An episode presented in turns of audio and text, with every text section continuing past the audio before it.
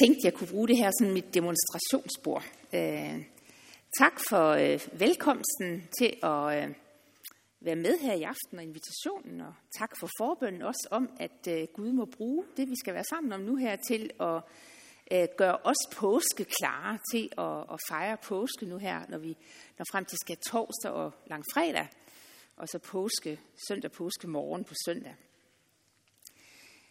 Øh, I går aftes, øh, jeg var i Skanderborg øh, til et møde dernede, og da jeg kørte hjem, så kunne jeg ikke undgå at lægge mærke til den der meget fulde måne, som sådan fulgte op til højre for bilen, når man kørte den vej der. Og det var jo for mig sådan en øh, kraftig påmindelse om, at det var jo i går aftes, jøder over hele verden fejrede deres påskeaften. Så det at skulle snakke om påske og påskeaften og jødisk påske i dag, det kan næsten ikke være mere passende. For det er jo sådan, at, øh, at jødisk påske altid falder, når det er fuldmåne. Det er sådan, at uh, i det gamle testamente, i forbindelse med fortællingen om udvandringen af Ægypten, så hedder det, at når man den 14. Nisan, og det hedder den her måned i den jødiske kalender, den 14. Nisan, når den 14. bliver til den 15. Altså når den 14. er forbi, og den 15. om aftenen starter, for sådan er det jo. Dagene starter med aften, og det bliver morgen. Så en jødisk kalender skifter altid om aftenen. Så i går aftes, da solen gik ned, og den 14. Nisan, den 14. i måneden Nisan blev til den 15. Så sad jøder verden over for at fejre deres påske. Øh, det er en påskeuge, som de er i gang med, ligesom vores påskeuge næsten også er en uge. Øh, men det var i går aftes, det sådan, altså virkelig var. Den aften, hvor man som familie, som venner, satte sig ned for at synge, for at bede, for at spise sig igennem fortællingen om, hvordan Gud for snart 4.000 år siden friede det jødiske folk ud af Ægyptens trældom. Så det var i går aftes, og det skal vi snakke lidt mere om. Øh, hvis vi havde været i Jerusalem for to dage siden, Palme søndag, så kunne vi have sluttet os til de tusindvis af pilgrimme, som starter et eller andet sted op på Oliebjerget, et eller andet sted sådan på bagsiden af Oliebjerget, der hvor landsbyen Betania bliver til landsbyen Betfage, og derfra kunne vi have sluttet os til den procession af pilgrimme fra hele verden, som for to dage siden vandrede hen over Oliebjerget, ned af det, som jo hedder Palme Søndagstien, og så ned over Kedrondalen og ind igennem porten, løveporten, frem til øh, Bethesda Dam, hvor man så har samlet og fejret en, en stor gudstjeneste. Der har været ekstra mange for to dage siden, fordi det er sådan, at kristne hele verden over, hvad enten man er katolik, eller man er protestant, eller man tilhører den gamle ortodoxe kirke, så lige præcis i år, så falder vores påskefejring sammen. Så både ortodoxe og katolikker og sådan nogen som os protestanter fejrede palme søndag i søndags.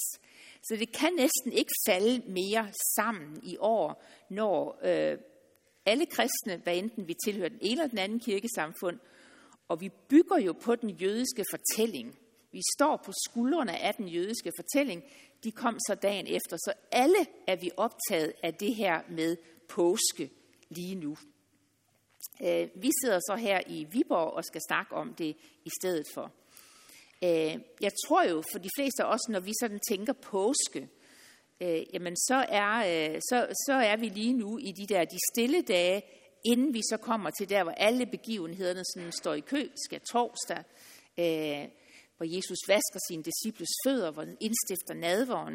Øh, fredag, langfredag, hvor vi har historien, fortællingen om, hvordan Jesus bliver efter at blive blevet taget til fange, bliver ført for Pilatus, bliver ført for rådet, øh, bliver ført igen byen og ender med at blive korsfæstet øh, ved den 9. time.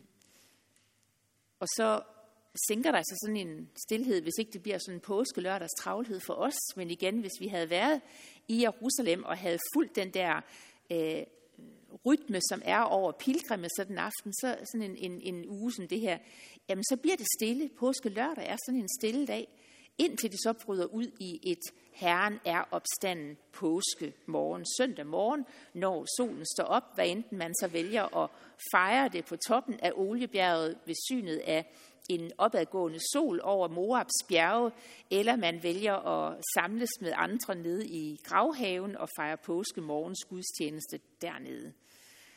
For de fleste af os, så er det jo påske. Det er øh, skal torsdag, lang fredag, det er påske lørdag med noget stillhed og forventning om øh, at kunne bryde ud i et taknemmeligt jubelråb sammen med alle andre kristne og synge, Herren er opstanden, ja, han er sandelig opstanden, når vi når frem til det på søndag. Egentlig er det jo øh, en tanke værd, at den der vandring, som så altså startede for to dage siden, Palme Søndags vandring, som er indledningen til vores påske, når vi går præcis den der vandring hen over Oliebjerget, startende i Betfage, og så ned over Kedrondalen og så ind, så går vi det jo for at slå følge med Jesus, da han gik den samme vej. Men da han gik der, så gik han der jo sammen med en masse andre pilgrimme, som ikke gik der, fordi nu skulle de snart fejre skal torsdag, langfredag og de andre påskedage. Sådan som de mange pilgrimme, der er samlet i Jerusalem nu her, gør det. Deres palme søndags vandring var starten på deres skal torsdag, langfredag og så deres påskemorgenfejring. Men da Jesus gik der for 2.000 år siden, ikke 4.000 år siden, men 2.000 år siden, så gik han der jo sammen med en masse andre pilgrimme, jødiske pilgrimme, som var kommet fra Galilea, som var kommet fra Alexandria måske. Nogen var, ligesom Simon, var kommet helt fra Kyrene i, i Nordafrika. Og alle sammen var de kommet for at fejre påske. Altså påske i betydningen udgangen af Ægypten. For hver gang vi møder ordet påske i den nytestamentlige beretning, jeg mener, den første sådan, tanke hos os, det er vel påske, altså Jesu død, lidelse, død og opstandelse. Men det er jo ikke det, påske handler om i det nye testamente. Så er det jo den jødiske påske, der er omtalt. Når vi for eksempel kan læse, at øh, der står, jødernes højtid, påsken, nærmede sig, og Jesus begav sig til Jerusalem. Jamen, så er det jo igen jødernes påske, som her der er tale om. Og er der egentlig nogen sammenhæng, altså ud over at præcis i år, så falder datorerne sammen, øh, og også at øh, den påske, som vi fejrer, altså Jesu lidelse, død og opstandelse, at den falder i den uge, hvor jøder fra hele verden var samlet for at fejre deres frihed og, og befrielsesfest.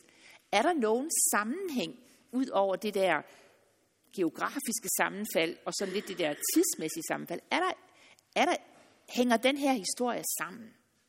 Og det er noget af det, vi skal prøve at, at, at, øh, at udfordre i aften og udforske i aften, og vi skal gøre det ved at tale om det, ved at smage om det, og vi har allerede været i gang med at, at synge om det. Så det er sådan, at når jøder fejrer påske, så øh, jamen på samme måde som for os, så er der sådan en masse forberedelser til.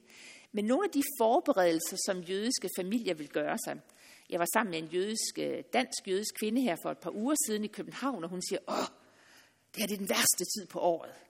Og siger, nå, hvorfor det? Jo, fordi min mand, han er meget religiøs, han er meget ortodox, og der skal bare simpelthen gøres hovedrent hjemme hos os. Og det er jo, fordi det også er en anledning til at, at rense alt den gamle surdej ud passer fint med sådan en forårsrengøring, når solen sådan begynder at stå ind igen vinduet og afsløre det hele. Men i et jødisk sammenhæng, så er det jo for at, at gøre sig påskeklar. I kender måske et andet ord for påsken i en jødisk sammenhæng. Man kalder den også for de usyrede brøds fest. Det gør vi allerede i det gamle testamente, men det faktisk også kan vi finde det i det nye testamente, de usyrede brøds fest. Og det er jo fra i går, eller fra, ja, fra i går af, og så en uge frem, er den her uge, som hedder de usyrede brødsfest i en jødisk sammenhæng, hvor man ikke spiser noget, som er syret, altså gæret. Og det er ikke bare sådan, at man ikke spiser det, man skal slet ikke have det i sit hus. Og for at sikre sig, at der ikke er noget af det, jamen så bruger man den her forårsrengøring, som så var anledning til, at mit veninde sagde, åh, jeg hader den her tid på året på grund af forårsrengøringen. Så det, som I også ville kunne have oplevet, hvis I havde været i Jerusalem efter at have gået turen om søndagen ned ad Palmesøndagstien, hvis I så mandag morgen, altså inden påskeaften, øh, var gået rundt, i hvert fald i det i sådan mere ortodoxe kvarter, så ville I kunne have set sådan små bål rundt omkring på gadehjørnerne. For det er sådan, at aften inden, så var i hvert fald i ortodoxe familier, så var man gået rundt sådan og har sikret sig, at husmoren nu havde gjort det godt nok. At der ikke lå nogen brødkrummer et sted, at der ikke var noget havregryn i skabet, for havregryn kan jo også gære. Cornflakes kan også gære. Så det er jo ikke bare brød, der kan gære, det kan kornsorter også. Og alt sådan noget skal ud.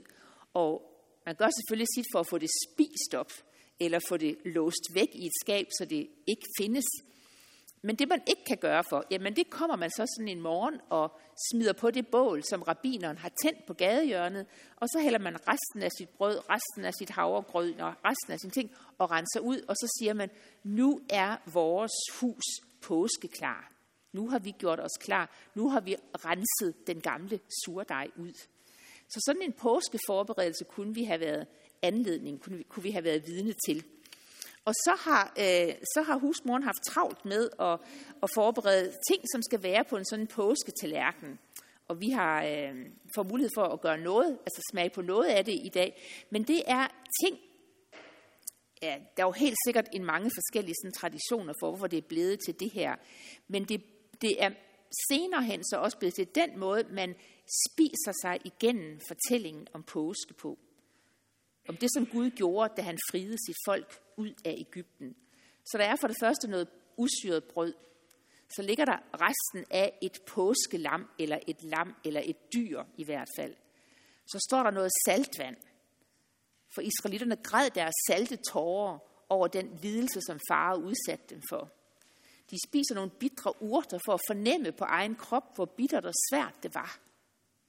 Øh, så ligger der også noget, ja, det ligner lær, det ligner mørtel. Det er lavet af æbler og honning og nødder og sådan noget, så det, det, er, slet, det, det, det, det er faktisk godt, men, men, men det ser ikke særlig godt ud og skal minde om det slavearbejde, som man trællede under for farve, og som man nu er friet for.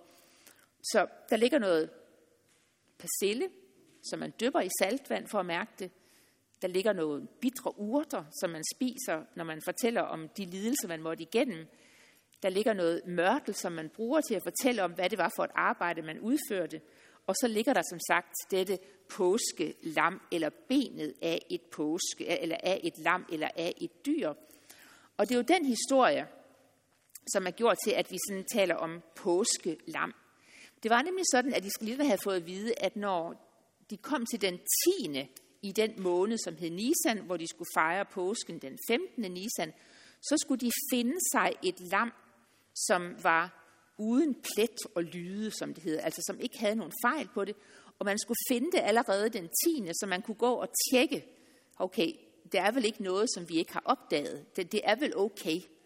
Og så skulle man jo, sådan som historien fortælles i 2. Mosebog, i kapitel 12, at når den aften kom, og farve og Ægypterne var blevet ramt af de første ni plager, uden at det havde gjort nogen forskel på farve.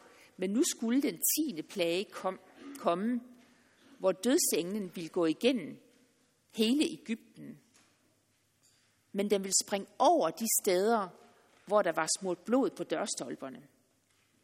Og derfor så skulle israelitterne slagte et lam, tage blodet fra lammet og smøre det på dørstolperne – og så skulle de riste det her lam over en åben ild med alt det hele. Og så skulle de gøre sig rejseklare. Altså stå sådan med kjortlen bundet op, så man kunne tage afsted. For det var den her aften, som skulle blive deres befrielsesaften.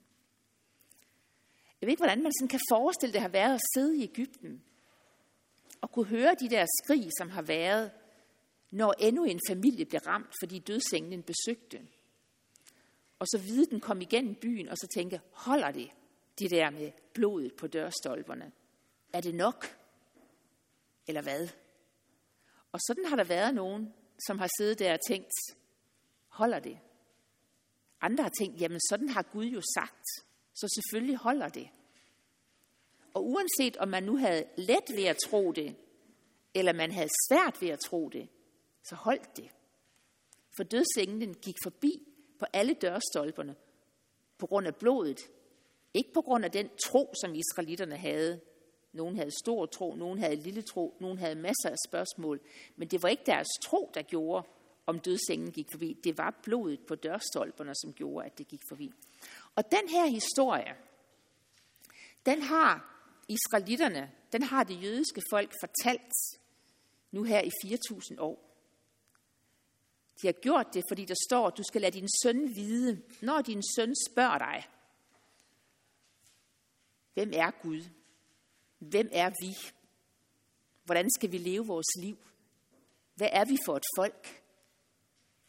Så skal du fortælle dem om udgangen af Ægypten. Det er sådan, at i 5. Mosebog kan man læse, hvordan Moses siger, at øh, og han skal jo ligesom sende sit folk videre efter ørkenvandringen. I 5. Mosebog, så er vi kommet til slutningen af ørkenvandringen.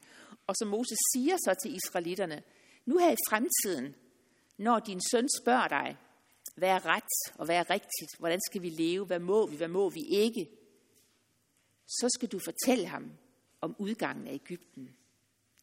Er det egentlig ikke et mærkeligt svar på et spørgsmål om, hvad er ret og hvad er rigtigt?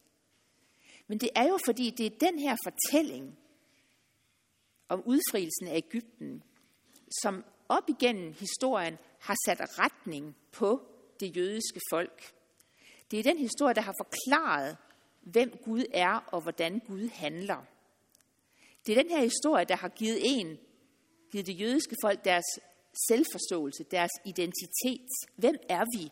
Jo, vi er det folk, som Gud har friet ud af slaveriet, ud af mørket, ud af ingenting, og har gjort til sit folk. Op igennem det gamle testamente, så kan Gud beskrives på mange forskellige måder, men en af de måder, han kan beskrives på, det er, hvordan er Gud? Jo, hvem er han? Jo, det er ham, som med stor styrke og vældig arm førte vores forfædre ud af Ægypten. Og Gud bruger det selv i forbindelse med lovgivningen på Sinai, så er vi altså kommet en, øh, en 6-7 kapitler længere hen i 2. Mosebog. Det er i 2. Mosebog kapitel 12, vi har historien om påskelammet og blodet på dørstolperne, og om hvordan man skulle stå rejseklare, for nu sagde farve, nu kan I gå. Og så havde man jo så travlt, at man ikke havde tid til at lade dejen hæve, så man tog bare dejtruet, som det stod der, på sine skuldre, og så gik man ud, og så bagte man, og så spiste man derfor usyret brød, for som israelitterne siger, vi havde ikke tid til at lade det hæve, og derfor så fejrer vi festen mindelsen ved at spise det her usyrede brød. Seks kapitler senere, der står Moses ved foden af Sinai bjerg, og Gud siger til ham, her er den pagt, jeg vil slutte med jer. Her er de regler og retsregler, som I skal have, så I kan leve som mit folk. Men hvordan starter det kapitel? Hvordan starter kapitel 20 i 2. Mosebog, som er om lovgivning på Sinai? Jo, det starter på den her måde. Øhm, inden Gud kommer til at sige, du må ikke have andre guder, du skal holde sabbaten hellig, du skal ære din far og din mor, så står der sådan her i kapitel 20. Da talte Gud alle disse ord og sagde, Jeg er Herren din Gud, som førte dig ud af Ægypten af trællehuset. Inden Gud siger noget som helst andet, så minder han om, hvad han har gjort og hvem han er, og siger, det her, det er baggrunden for den pagt, som jeg slutter med jer. Og sådan kan den her historie være en historie, som man har fortalt, som man har spist, som man har skrevet sig igennem. Og siger man, og det står også senere hen i Mosebøn, sådan skal I gøre det hvert år, og I skal gøre det som om det nu er jer, der går ud af Ægypten. Altså, I skal ikke bare tænke på, at sådan skete det engang, men I skal tænke på, det her det er for mig. Det her det skete for mig. Når jeg skal finde ud af, hvem jeg er, og hvad det vil sige at være mig, og hvordan jeg skal leve mit liv, så skal jeg tænke på mig selv som en, der er friet ud af Ægypten. Så nu synes jeg, vi skal tage en pause, og så, og så mærke det her med, hvordan vi er gået ud af Ægypten. Øh, I forbindelse med i sådan en påskemåltid, og jeg har taget sådan en flot øh, sådan en bog med her, som, øh, som er, den hedder En påskefortælling, en påskehaggadah, og den skal jo vende sådan, fordi jøder læser jo bagvendt, som vi gør, ikke også altså fra den her side, og så, så den anden vej. Men en sådan bog er de bønder og de tekster og de sange og sådan noget, som synges igennem et sådan påskemåltid. Og på et tidspunkt, så vil husfaren tage noget af det her usyrede brød, og så vil han sige, nu skal I brække et stykke brød af det her brød. Det er slavebrødet, som vores fædre spiste i Ægypten, dengang Gud friede dem ud af slaveriet. De spiste det her usyrede brød, for de havde ikke tid til at lade det hæve, fortæller han. Og så siger han, for at I skal forstå og mærke, hvordan det var, så tag nogle af de bitre urter og kom på det her brød og spis det. Og det synes jeg, I skal tage at gøre nu. Så øh, fordel jer rundt ved bordet der, bræk et stykke af det usyrede brød, og tag noget af de bitre urter. Og det er det røde. Og jeg tror, det er lavet af rubede og peberrod og sådan noget der. Så øh, det, er, øh, det, er, det er helt reglementeret. Så smag på den der lidelse, som vi er friet fra, men som vi øh, skal huske på at have med i vores hukommelse.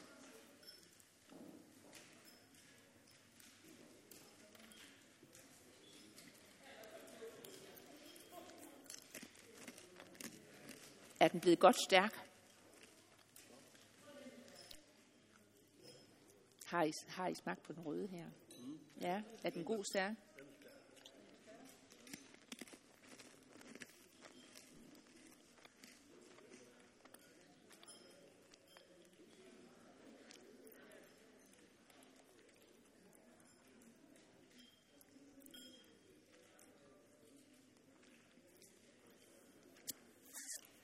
Nu skal I jo holde jer til de bitre urter lige nu her. Altså, der er nogen, der er allerede gået ind i desserten dernede. Det er en uskik, jo.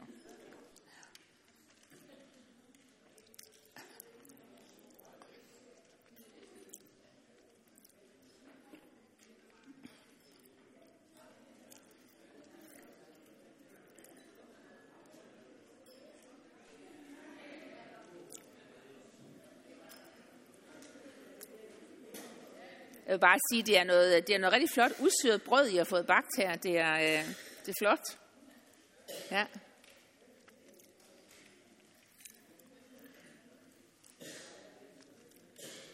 Ja, skal vi prøve at komme tilbage til fortællingen? Øh, efter at man har øh, været i gang med måltid et stykke tid, øh, og talt om, hvad der er sket, øh, og hvordan det har været for en selv, så, øh, så kommer de til, efter at de har spist og sunget om, om, om det her, øh, til at, ja, man kan sige, i løbet af sådan et måltid, så øh, serveres der fire glas vin. Og det lyder jo vældig voldsomt med fire glas vin, gør det ikke det? Men I skal sådan tænke på, at i sådan middelhavslande, så drikker man en lille smule vin, og så kommer man en masse vand i det. Men i løbet af sådan et jødisk påskemåltid, så vil man drikke fire glas vin. De to første gør man i forbindelse med, at man fortæller den her historie. Smager på det salte vand, det har vi så sprunget over den her gang. Øh, smager på de bitre urter. Og bagefter der, så, så har man så spist sådan sit, sit hovedmåltid, sit almindelige måltid. Og når man så er kommet på den anden side af måltidet, så har festen fortsat igen, og man har drukket endnu to glas vin, og drikker endnu to glas, øh, to glas vin. Øh, da Jesus er i, øh, øh, i Jerusalem i forbindelse med, at han har haft sit indtog, øh, så husker I fortællingen også om, hvordan øh, to af hans disciple kommer hen til ham og siger, øh, jamen vi er her jo for at fejre påske. Hvor er det, vi skal spise vores påskemåltid hen? Eller han, de siger til ham, hvor er det, vi skal holde måltid? Og Jesus sender dem så i forvejen ind i byen og finder en mand, som går med en vandkrukke, ham følger de efter, og så viser han dem så et rum, hvor de kan gøre klar. Og det er i forbindelse med, at Jesus og disciplene så sidder og spiser deres påskemåltid, at Jesus tager det her usyrede brød på et tidspunkt og siger, at det her det er, det er det slavebrød, som vores forfædre spiste i Ægypten.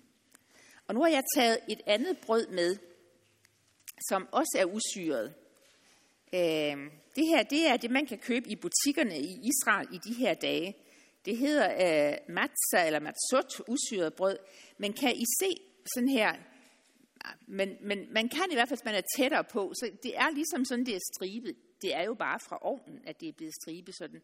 Så prikker man det også, for at det ikke skal hæve op. Så det er, det er hullet. Det er gennemboret. Og egentlig er der en vældig flot symbolik i præcis det her jødiske påskebrød, som er stribet, som Jesus han var stribet efter at være blevet pisket fra forhøret hos Pilatus. Det er også gennemhullet, sådan som vi læser om i forbindelse med øh, Jesu korsfæstelse, at, at han får sværet stukket i siden, og der kommer blod ud, så, han er, så de vidste, at han var død. Og så er det her usyret. Altså, der er ikke noget synd i det. Der er ikke, alt det gamle er renset ud, det er noget usyret.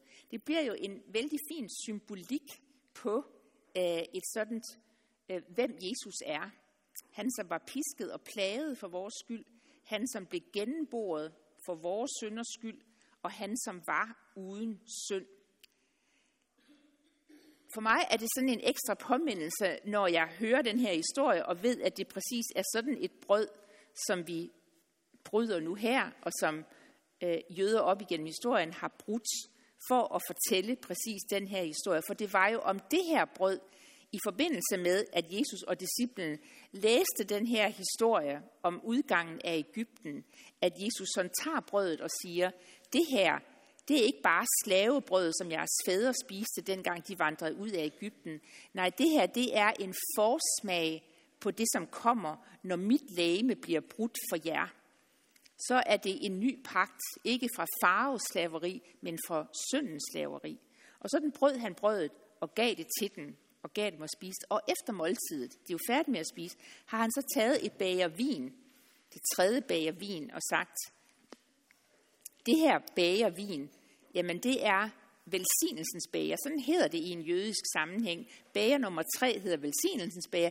Det betyder egentlig den der velsignelse, man lyser efter, at måltid er for Man kan også sige den der bordbøn, man beder, når man går fra bordet. Men Jesus giver det så en ny betydning den aften og siger, det her det er ikke bare vin, det er et symbol, det er et tegn på det, som skal ske dagen efter, hvor mit blod skal udgydes for jer. Og det skal have præcis samme effekt. Jeg ved ikke, hvordan han har sagt det. Men som det blod, den røde farve, som blev smurt på dørstolperne, og som gjorde, at dødsenglen gik forbi. Sådan siger han, sådan rækker jeg jer nu et bæger, mit blod, som gør, at synden og dødens straf går jer forbi. Det er den nye pagt, som er. Øh, indtil nu, så havde disciplene forstået, og sådan havde alle jøderne forstået sig selv som dem, Gud havde udfriet af Ægypten og gjort til sit ejendomsfolk. Og så vidste de, at en gang så skulle det ikke bare være noget, som skete en gang. En gang skulle det blive virkelighed. Og jeg kan sådan lige forestille mig, når disciplene er taget til Jerusalem sammen med Jesus, sammen med alle de andre pilgrimme, som har været der, sådan som det var øh, med sådan et, et, et, et, et, et indtog, som vi nu har fejret, når vi har fejret Palme søndag, så har nogle af dem har gået og tænkt, hvor er det fantastisk historie, som må forstå, som vi må forstå os selv ud fra, at vi er dem, som Gud har gjort til sit ejendomsfolk og stiftet en pagt med. En pagt, som peger tilbage på det, som var sket en gang, men også en pagt, som peger fremad mod det, som en gang skal være. Og så når man gået der i Jerusalem og tænkt, er det mund i år, den der endelige befrielse, den kommer, hvor det ikke bare er en historie, som vi skal mindes, og som vi skal bruge til at forstå, hvem vi er, men hvor vi også selv skal få lov til at opleve, at sådan er det. Disciplen har måske gået der og tænkt, er det nu, det sker? Måske har de gået ængstligt og sagt, jamen Jerusalem er jo også det sted, hvor Jesus har en masse fjender. Er det nu, vi skal sejre, eller hvad er det? Og alligevel, da Jesus så tager det her brød og tager det her vin, så er det alligevel som om så få af disciplene fatter, hvad det er.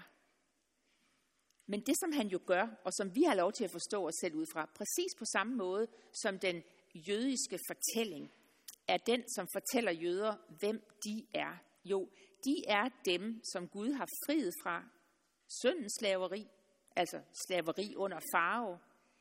De er dem, som ikke længere skal tilbede afguder, men som skal tilbede den levende Gud. De er dem, som ikke længere skal være undertrykte og heller ikke skal undertrykke andre, for slavetilstanden er forbi. Og så er de dem, som også er friet fra, man kan sige, verdens første folkemord. Farve var i gang med at slå alle egyptiske drengebørn ihjel, men nu er der ikke længere etniske forskelle. Nu er de købt fri til at være det folk, som de er. Og den forståelse er jo den, som vi må tage til os også, når vi ser, at Jesus bruger præcis den jødiske påskefortælling til at forklare, hvad det er, der skal ske med ham langfredag, og hvordan det skal blive bekræftet, når han tre dage efter står op og fører det hele igennem. At dem, som, det, som han siger til sine disciple, og som han på samme måde siger til os, det er, I er dem, som er gået fra at være slaver, fra at være undertrykte, fra at være dem, der ikke ved, hvem den levende Gud er, til nu at være sat over i en helt anden virkelighed, en helt anden forståelse og en identitet, nemlig dem, som Gud har friet til at tilhøre ham, til at tilbede, sig, til at tilbede ham. Øh, og den historie har det jødiske folk haft med sig, som sådan en, man har kunnet have i sin lomme, kunne have i sin hukommelse, når man tænkte, hvem er jeg, hvor kommer jeg fra, så man kunne tage den her historie op og så sige, jamen den her har jeg med mig til at forklare, hvem jeg er. Og det interessante er, at Jesus bruger jo det samme til disciplene, når han, når han giver dem brødet, giver dem vinen og siger, det her, det skal I have med jer i jeres hukommelse til at fortælle jer selv og alle andre, hvem I er. Dem, som har fået jeres død byttet med Jesu liv. Dem, som har fået jeres synd byttet med det, som er usyret og uden plet og lyde og gennemboret for jeres skyld. Det, det er dem, I er. Det skal I have med i jeres hukommelse. Sådan så når I bliver i tvivl om, hvem I er, og hvad det er, der er sket med jer, så kan I fortælle den historie. Ikke kun om udgangen af Ægypten, men den nye tolkning, som Jesus gav den påskeaften, hvor han indstiftede nadvånd og fortalte disciplene historien om, om det her. Og nu synes jeg, at vi skal tage noget af det her øh, leve, øh, lær- og slavearbejde. Så nu kan vi tage et... Uh, når man kommer til slutningen af det jødiske påskemåltid, så, så siger rabbineren, der er, der er tre ting, I skal huske. I skal huske slaveriet, det usyrede brød, og det er I fri for. I skal huske Pesa, påske, påskelammet, med blodet, som blev på dørstolperne, som gjorde, at I skal, I skal gå fri. Og så skal I lave jer sådan en sandwich af det der lær og det usyrede brød, og spise den som en fortælling om, hvad det er, I er sluppet fri fra. Så nu synes jeg, I skal smage på det næste af det her, hvis I stadigvæk har noget syret brød på jeres tallerken, eller på bordet, ellers er der noget mere her. Og så lav jeg sådan en sandwich af det usyrede brød, sammen med det der mørtel, det der lær, som altså er lavet af æbler og honning og sådan noget, og som smager godt. Øh, og så smag på den frihed, øh, den nye virkelighed, som er blevet vores, på grund af den historie, som vi kan fortælle, når vi fejrer påske.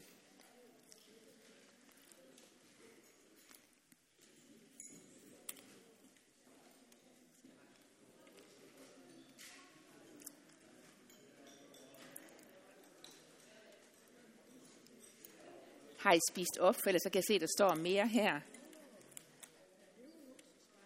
Der er mere her.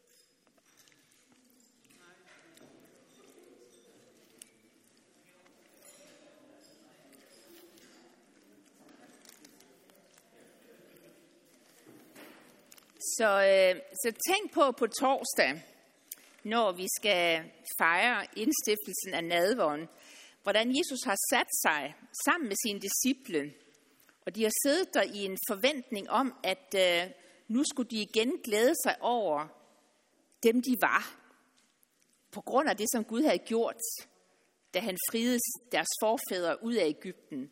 Og så skulle de gøre det med en tro og en tillid til, at en gang, så skulle, så skulle befrielsen komme, sådan så ingen kunne være i tvivl.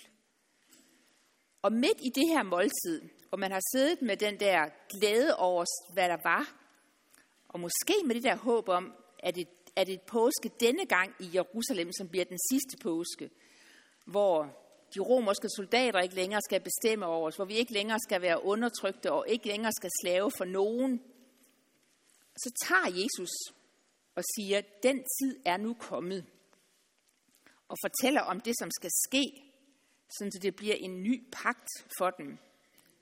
De forstår det ikke på det tidspunkt der, men nogen af dem begynder så at fatte det efter påsken og efter opstandelsen. Så lad vores påske også starte i Ægypten, hvor et helt nyt kapitel i Guds folks historie begynder. Begynder på en sådan måde, at tidsregningen siden da har været en anden. Den jødiske kalender, i den jødiske kalender, der er måneden, hvor udgangen af Ægypten finder sted, det er den første måned. Det er der, man bliver født som et folk og bliver til. Og sådan kan man sige, så regner vi så vores tidsregning ikke fra Jesu død og opstandelse, men vi taler fra Jesu fødsel, hvor Gud er trådt ind i verden igen, men det som fuldendes, altså det som han er kommet for, fuldendes i og med, at påsken den er der. Og så har jeg lyst til at udfordre jer her på det sidste til at, øh, at have den her historie med, også som en historie, vi kan spejle os i, og, og kan, kan bruge til også at, at forklare, hvem vi er. Og jeg synes, der er, nogle, øh, der er nogle personer, som vi møder i den her påskefortælling, som vi kan tage med os som, som et spørgsmål, som en udfordring, som en, en påmindelse måske om, hvad betyder den her historie så for os. og den, den ene person, som, som vi skal stanse ved, øh, ham møder vi, når vi sådan lige er kommet fra Betania, fra ørkenen og vejen, hvor Jesus gik efter at have været inde i Zacchaeus' hus i Jericho, og så er gået turen op igennem Judæas ørken, kommet til Betania, og så fortsat ind imod Betfage. Og der er det jo så, at han sender sine disciple i forvejen for at finde et æsel, som han vil ride ind på. Vi forstår jo godt, hvorfor det er. Jamen, det er jo den der profeti om, at Sions konge skal komme, og Jesus ved, at vi er den der konge, og han kommer ridende, sangmodig, ydmyg, på en æsel på et trældyrs føl. Ham, som jeg vil have, I skal, I skal lade udfordre af, det er, det er manden med æslet, som bor i Betfage.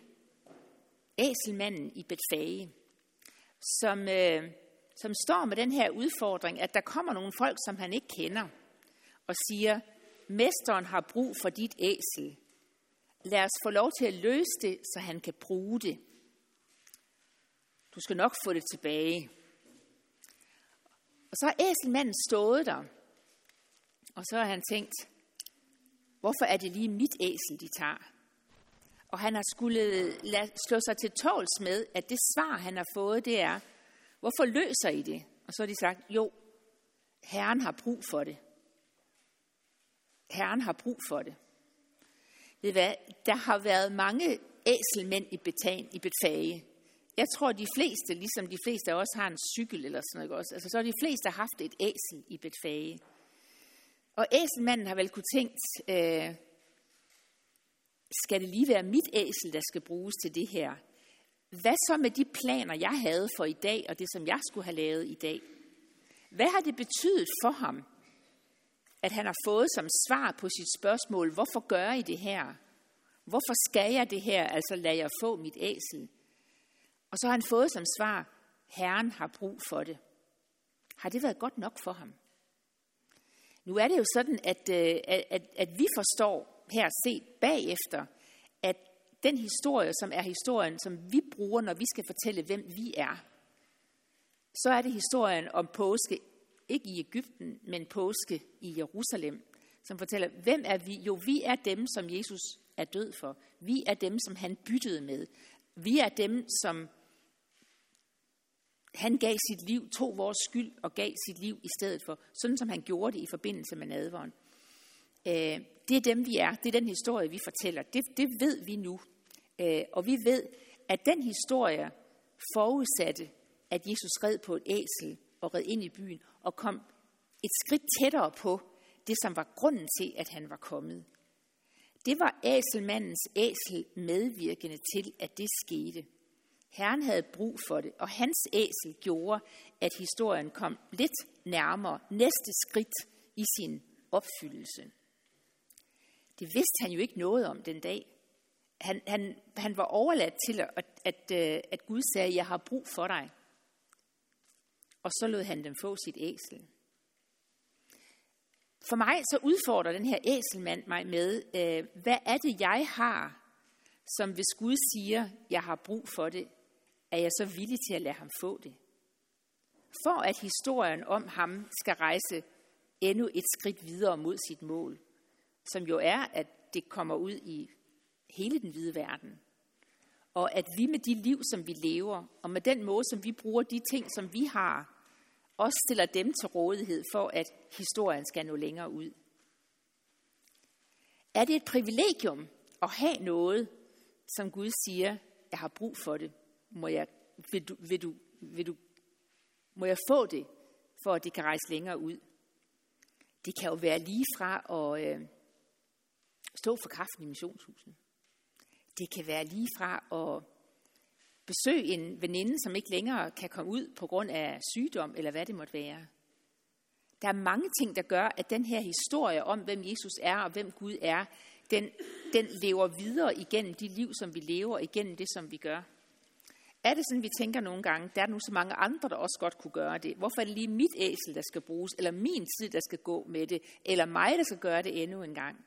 Eller tænker vi, er det ikke fantastisk, at jeg har noget i mit liv, om det så bare er en cykel, eller et æsel, eller en halv time, eller hvad det er, som, som Gud får lov til at bruge for, at historien om ham kan rejse et skridt videre mod det, som er målet for det, at hele verden må komme til at kende ham. Herren har brug for det, må han få lov til at bruge det. Det er den ene. Øh, så skal vi jo her øh, på fredag øh, når det kommer til langfredag og den historie, som vi bliver mindet om og skal fortælle og fortælle for os igen og fortælle for vores børn. På samme måde som jøderne fik at vide, at den her historie skal du lade gå videre fra generation til generation. Så er det jo også en historie, som vi har om Jesus, som, som, som skal gives videre fra generation til generation ved at blive fortalt. Og den historie, den del af historien, vi fortæller på fredag, er jo historien om, hvordan Jesus bliver forhørt hos Pilatus. Og efter at Pilatus har vasket sine hænder, og Jesus er blevet pisket og har fået korslagt på, bliver sendt på den der vandring fra Pilatus' borg i Jerusalem, hvor den så end har været, ned igennem de små, smalle gader, og videre ud igennem byporten, ud til det der henretter sted, Golgata, som de romerske magter havde indrettet uden for byen, sådan så at alle forbrydere kunne blive klynget op til skræk og advarsel for andre. Og Jesus har bare været en af de forbrydere, som har gået den der vej fra de romerske myndigheder og så ud til henretterstedet. I dag var det ham. Dagen i forvejen har det måske været nogle andre. Og så kommer han, og vi kan læse og høre om, hvordan han går igennem gaden og kommer til et sted, hvor han knækker sammen for anden gang og, og ikke kan komme op igen. Og hvor de romerske soldater er blevet så trætte af den her svage fange, øh, nu må vi have lidt effektivitet, og så trækker de en mand ind fra mængden, som står lige der, hvor Jesus knækker under byrden for korset, og siger, du der, nu er det din tur.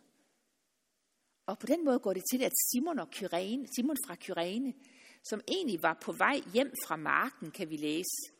Og jeg tænker, han var på vej hjem for at gøre sig klar til at fejre sin påske og mindes udgangen af Ægypten, han skulle måske hjem og have et bad, og så op på tempelpladsen for at få sit påskelam slagtet, og så have det hjem til familien for at få det tilberedt. Og pludselig er hans dag totalt ødelagt, Fordi han kommer til at stå lige der, hvor vejen drejer, og hvor Jesus knækker, og hvor de romerske soldater siger, du der, nu er det din tur til at tage korset og bære det med. Vi kender ham, Simon af Kyrene, fordi han, han har navn i den bibelske historie. Vi har sågar en salme, som handler om ham. Hvor vil være Simon af Kyrene, som skal bære kors? Hvorfor er det egentlig, at vi kender navnet på Simon af Kyrene? Har I tænkt over, at øh, æselmanden, ham som fik at vide, at Herren havde brug for hans æsel, jamen øh, ham ved vi ikke mere om. Han glider ud af historien.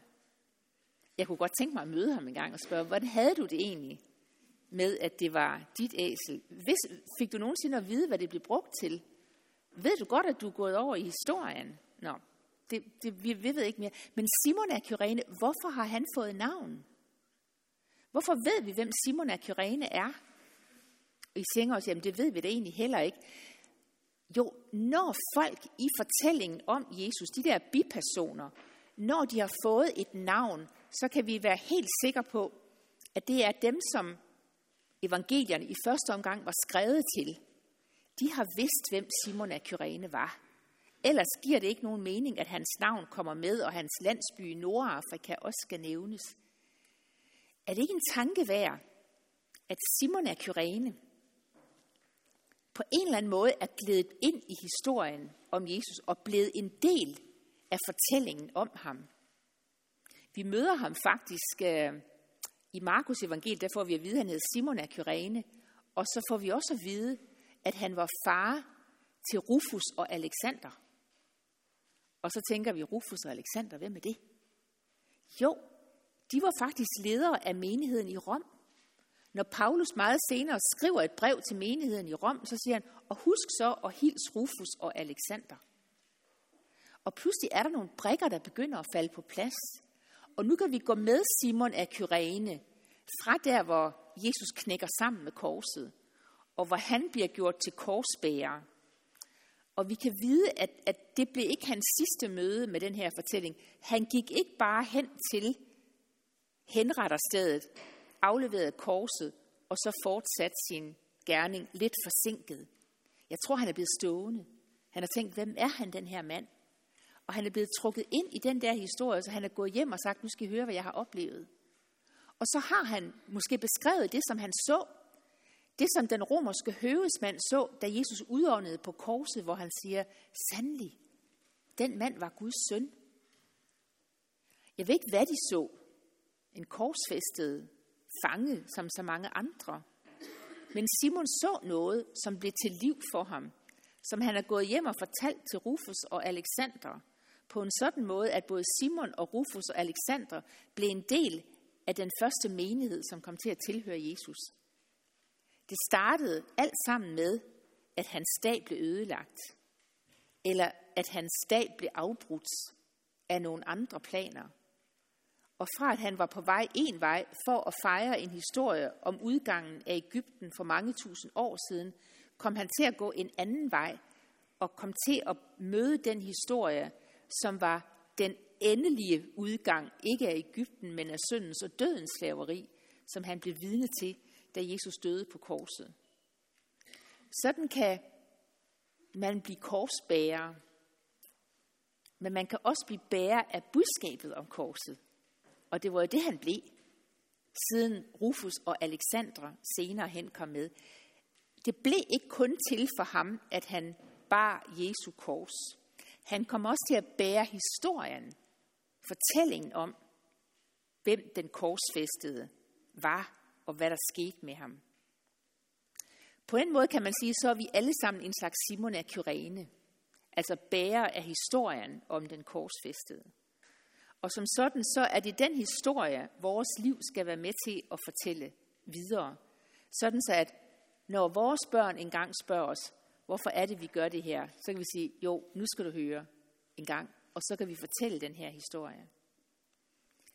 For nogle mennesker, så er det at blive bærer af historien om korset fået betydning på den måde, at de også er blevet helt konkret blevet korsbærere. Og det sker jo desværre rigtig mange steder i verden. For to dage siden var der mange egyptiske kristne, som var, fejret, som var samlet i deres kirker for at fejre palmesøndag. Og det var der nogle terrorister, som brugte som anledning til at gå ind og sprænge sig selv i luften. Fordi de var med til at synge og lovsynge og takke for historien om den korsfæstede, så kom de til at bære prisen for korset også. Og sådan er det gået rigtig mange op igennem historien, og sådan er det stadigvæk også. At når vi nu fejrer med taknemmelighed og med jubel og synger om korset, og takker Gud for korset og takker Gud for friheden, sådan som Ægypterne, eller sådan som israelitterne har gjort det med udgangen af Ægypten, så er det også en historie, som i dag betyder, at budskabet om korset for nogen kommer til at betyde, at de selv kommer til at bære kors. Sådan kan det gå. Og hvornår det er vores tur, hvad skal man sige, til at tage korset det næste stykke, hvornår er det, vi står der, hvor vejen drejer, og Gud siger, nu er det din tur til at tage det op. Måtte han finde os som en Simon af Kyrene, der gik historien, og som i det at bære kors fandt sit livs mening og sit livs indhold på en sådan måde, at det blev videre til næste familie. Så øh, lad, os, øh, lad os tage med os, at vores historie også starter med udgangen af Ægypten, og det er den historie, Jesus fuldender. Og at konsekvenserne, som det har fået for det jødiske folk op igennem tiden, at det er den historie, som fortæller dem, hvem de er, og viser dem, hvem Gud er. Må så også vores påskefortælling være den historie, som fortæller os, hvem vi er, og hvem vores Gud er. Og hvis det kommer dertil, at vi står der, hvor vejen drejer, og vi bliver kaldt, du der, nu er det din tur, må han så finde os vilje. Og må det, at Gud siger til os, jeg har brug for det, som han gjorde til æselmanden, være nok til, at vi stiller os selv til disposition, for at historien om ham kan rejse endnu et par skridt videre mod det, som er målet for den her historie. Det er en historie, hvor vi kigger tilbage, men det er jo på alle måder også en historie, hvor vi kigger fremad. Og hvor det, som vi kigger fremad, bestemmer, hvem vi er i dag. Bestemmer, hvem det er, vi er i dag. At det er fra det, som er vores håb om en endelig opstandelse, en endelig frihed, at vi finder motivationen, vi finder glæden ved det liv, som vi lever i dag. Yes, amen. Jeg tror, jeg brugte lidt mere end 35 minutter. Men...